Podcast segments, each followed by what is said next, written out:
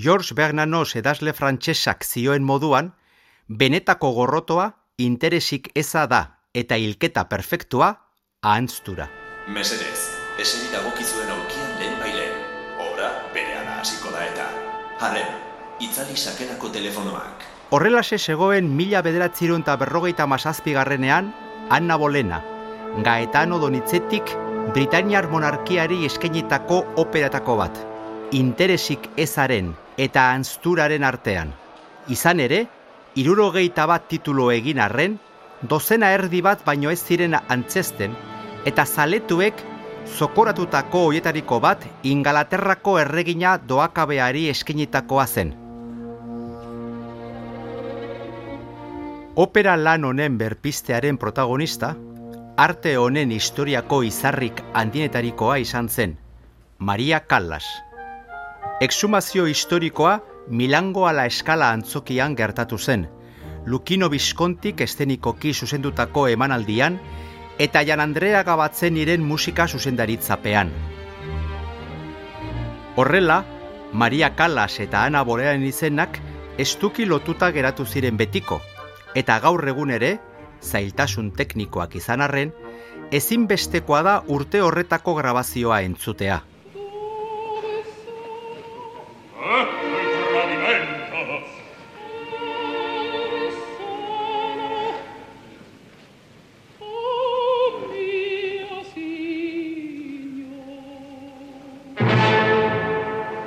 Anna eta Maria. Maria eta Anna.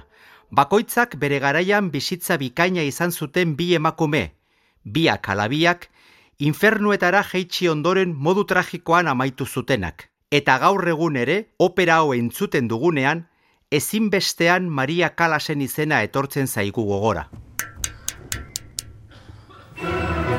Opera prima, laugarren kapitulua, bi bizitza paralelo. Olbek, Gaetano Donitzetiren Anna Bolena opera eskaini du aurtengo programazioan. Lombardiako kompositori bikaina, emeretzigarren mendeko Italiaren zati handi bat bezala, Napoleonen erregetzapean jaio eta Austriar imperioaren menpean hil zen. Inolako musika tradiziorik ez zuen familia oso txiro bateko hirugarren semea izan zen Donitzeti, eta genero askotako obrak landu zituen kompositore arrakastatxua bilakatu zen. Besteak beste, iruroitik gora opera, Ana Bolena haien artean.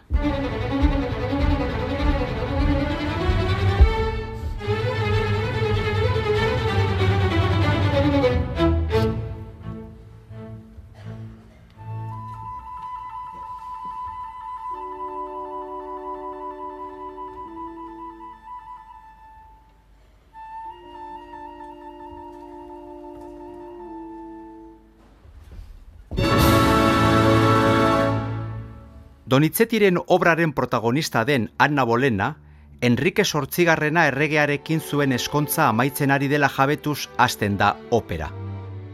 Erregeak ezin du eskutatu James Seymourrenganako grina, eta bere eskontza eteteko modu bat bilatzen du bere aliatuekin.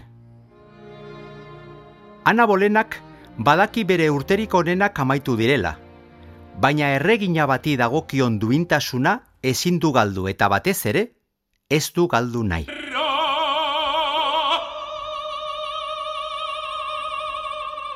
Mila bederatzeun da berrogeita masazpi garrenean, Maria Kalas agertokiko erregina da oraindik. Milaka zale ditu atzetik antzoki guztietan. Eta hala ere, ezin du saiestu garai hartako beste erregina handiarekin, Renata Tebaldirekin, leia handia bizitzea. Kalasen zalek jo eta zu defendatzen dute bere teatraltasuna, aldakortasuna eta gaitasun dramatikoa nabarmenduz. Tebaldi zaleek bere estiloaren, legatoaren eta ahotsaren aldeko apustua egiten dute. Erabat batera ezinak diren bi mundu dira.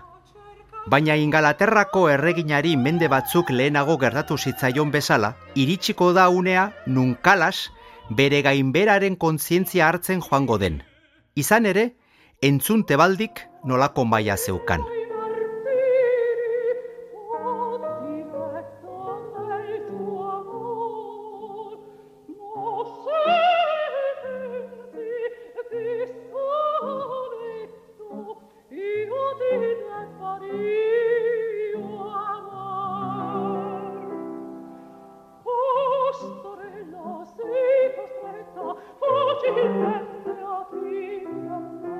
Anna Bolenaren etxai nagusia bere senarra izango da, Enrique Sortzigarrena, dibortzioa lortzeko edo zertarako prest. Ez dezaguna astu, Enrique Sortzigarrena erromarekin eta aita santuarekin austera iritsiko dela, Aragoiko Katalinaren gandik dibortziatu eta urte batzuk geroago traizio eta adulterioagatik borua mustuko dion Anna berarekin eskondu ahal izateko. Erreginarentzat, senarra zoriontasunerako motiboa izango da lehenik, baina etxipenik absolutuenera eta eriotzara eramango du azkenean.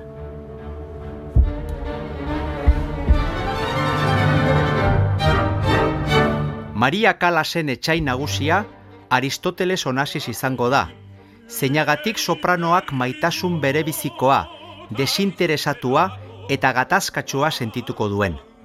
Mila bederatzirun eta berrogeita emeretzian elkartuko dira biak. Anna Bolenari hautsa kendu eta bi urte eskasera. Eta ordutik aurrera ezer ez da berdina izango gure protagonistarentzat. Onasisekin, kalasek sautze, luxu eta gehiagikeriazko bizitza ezagutuko du, bere artista karreran eragin erabakigarria izango duena.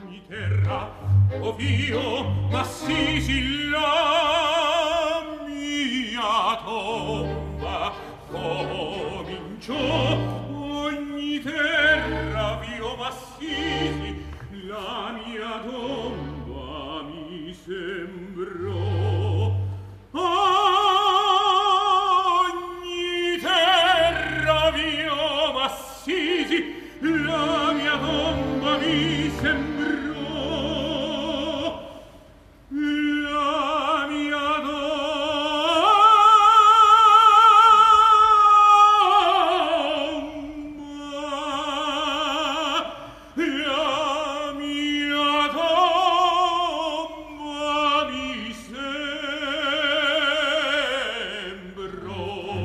Oraindik konfiantza itxuz zain zituen jarraitzailei loriazko gauak ematen saiatuko zen, baina gainbera hasia zen, eta erorketa saiestezina izan zen.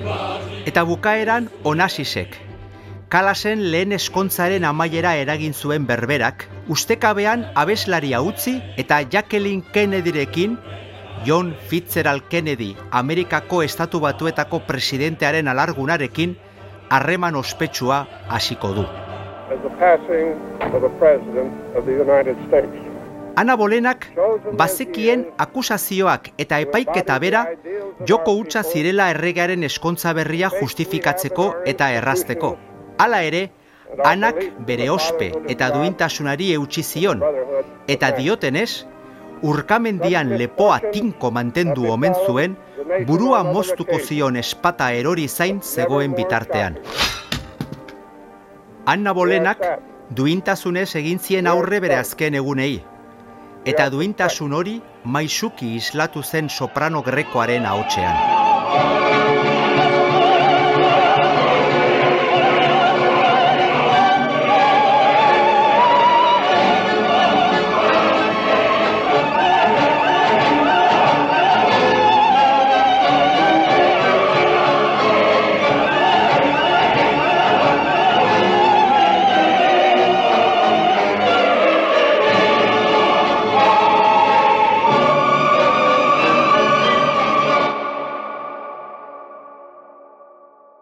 Maria Kalas Paris erdialdeko pisu batean babestu zen, noizbeinkako irtera pertsonal eta artistikoak gora behera.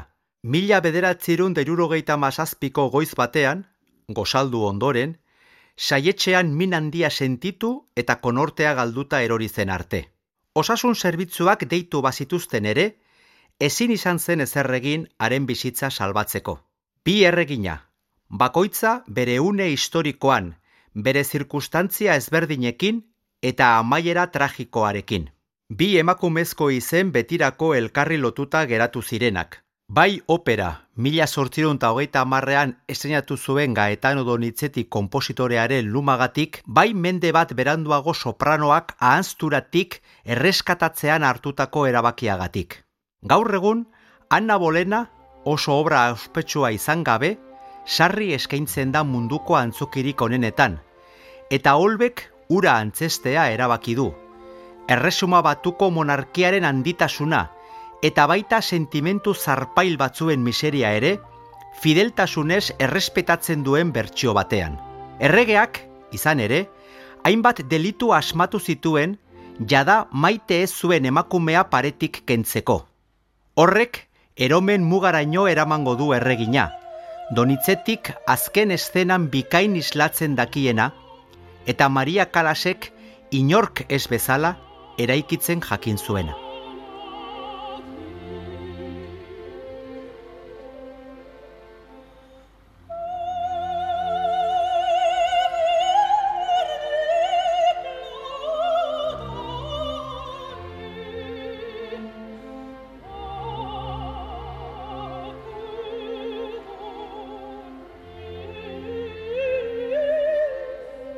Anna eta Maria.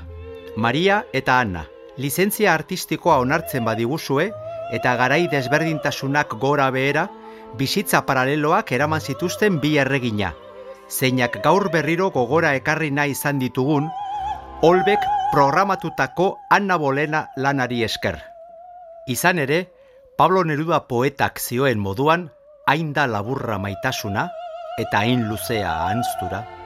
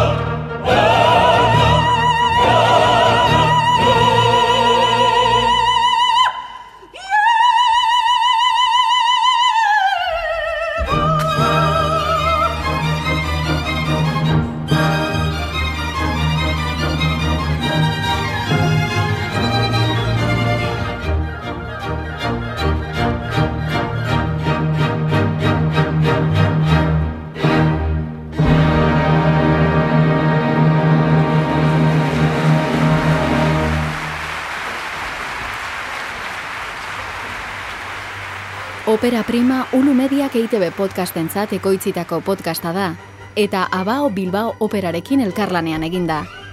Lasarteko Ulu estudioetan grabatu eta editatu da. Zuzendaritza eta narrazioa, Enrique Bert. Gidoia, Enrique Bert. Martin Etxeberria eta Xavier Etxeberria. Soinu diseinua. Jon Gartzia eta Oier Arantzabal. Arpidetu eta entzun Opera Prima EITB podcasten, edo audioak entzuteko darabiltzun dena delako plataforman. Ei, txt, entzun hori. Ulu Media.